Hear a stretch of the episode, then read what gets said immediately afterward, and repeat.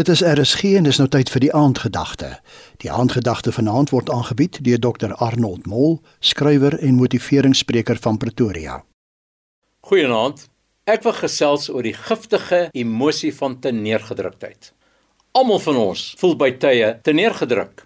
En die beste voorbeeld in die Bybel van iemand wat depressief gevoel het, was Elia.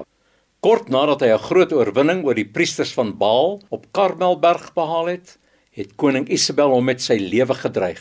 En Elia se reaksie was om te vlug en in depressie te verval.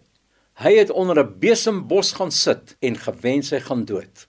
Hy was fisies uitgeput, hy was emosioneel uitgeput en dit is 'n algemene verskynsel na die ervaring van groot sukses. Gaan lees maar die verhaal in 1 Konings 19. Elia het 4 foute gemaak. Hy het irrasioneel begin dink. En alhoewel daar soms fisiese oorsake van depressie is, is dit meestal die gevolg van verkeerde denke.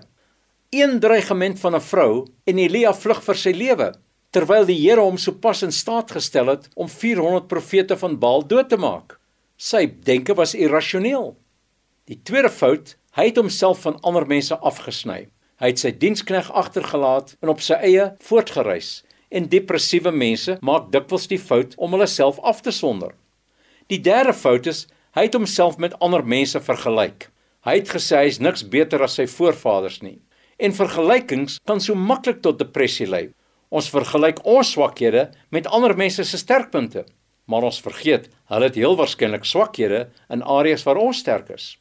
En die vierde fout wat hy gemaak het, hy het homself blameer vir iets wat buite sy beheer was.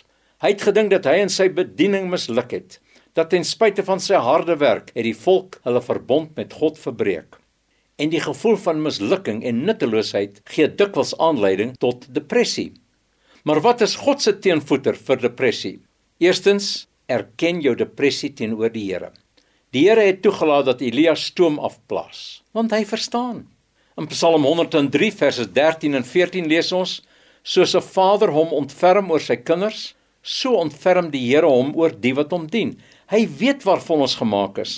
Hy hou dit in gedagte dat ons stof is. Die tweede ding wat ons moet doen is luister na die woord van die Here. Elias gesê om na die fluistering in die windstilte te luister. En dis dikwels die laaste ding wat ons los het om te doen, om na die woord van die Here te gaan. Maar spandeer die meeste van jou tyd in danksegging. Efesiërs 5:20 sê dank God die Vader altyd oor alles in die naam van ons Here Jesus Christus. En dan die derde ding om te doen, hou aan om die dinge te doen wat jy nog altyd gedoen het. Die ergste ding wat ons kan doen as ons te neergedruk voel, is onsself te onttrek van mense en verantwoordelikhede. Gaan voort met kerkaktiwiteite, bywoning van 'n selgroep, hou jou stilte tyd, die omgang met vriende. En dan vierdens, fokus op die behoeftes van ander. Elia moes God se woord aan ander bring. Deur jouself te verloor in diens aan ander is om jou lewe weer te vind. Jesus het gesê wie sy lewe ter wille van my verloor, sal dit terugkry. In 2015 was ek vir 4 maande absoluut depressief, maar ek het hierdie voorskrifte nagekom en na daardie tyd het die depressie verdwyn en nog nooit weer teruggekom nie. Jy het geluister na die aandgedagte hier op RSG, aangebied deur Dr Arnold Mol, skrywer en motiveringsspreker van Pretoria.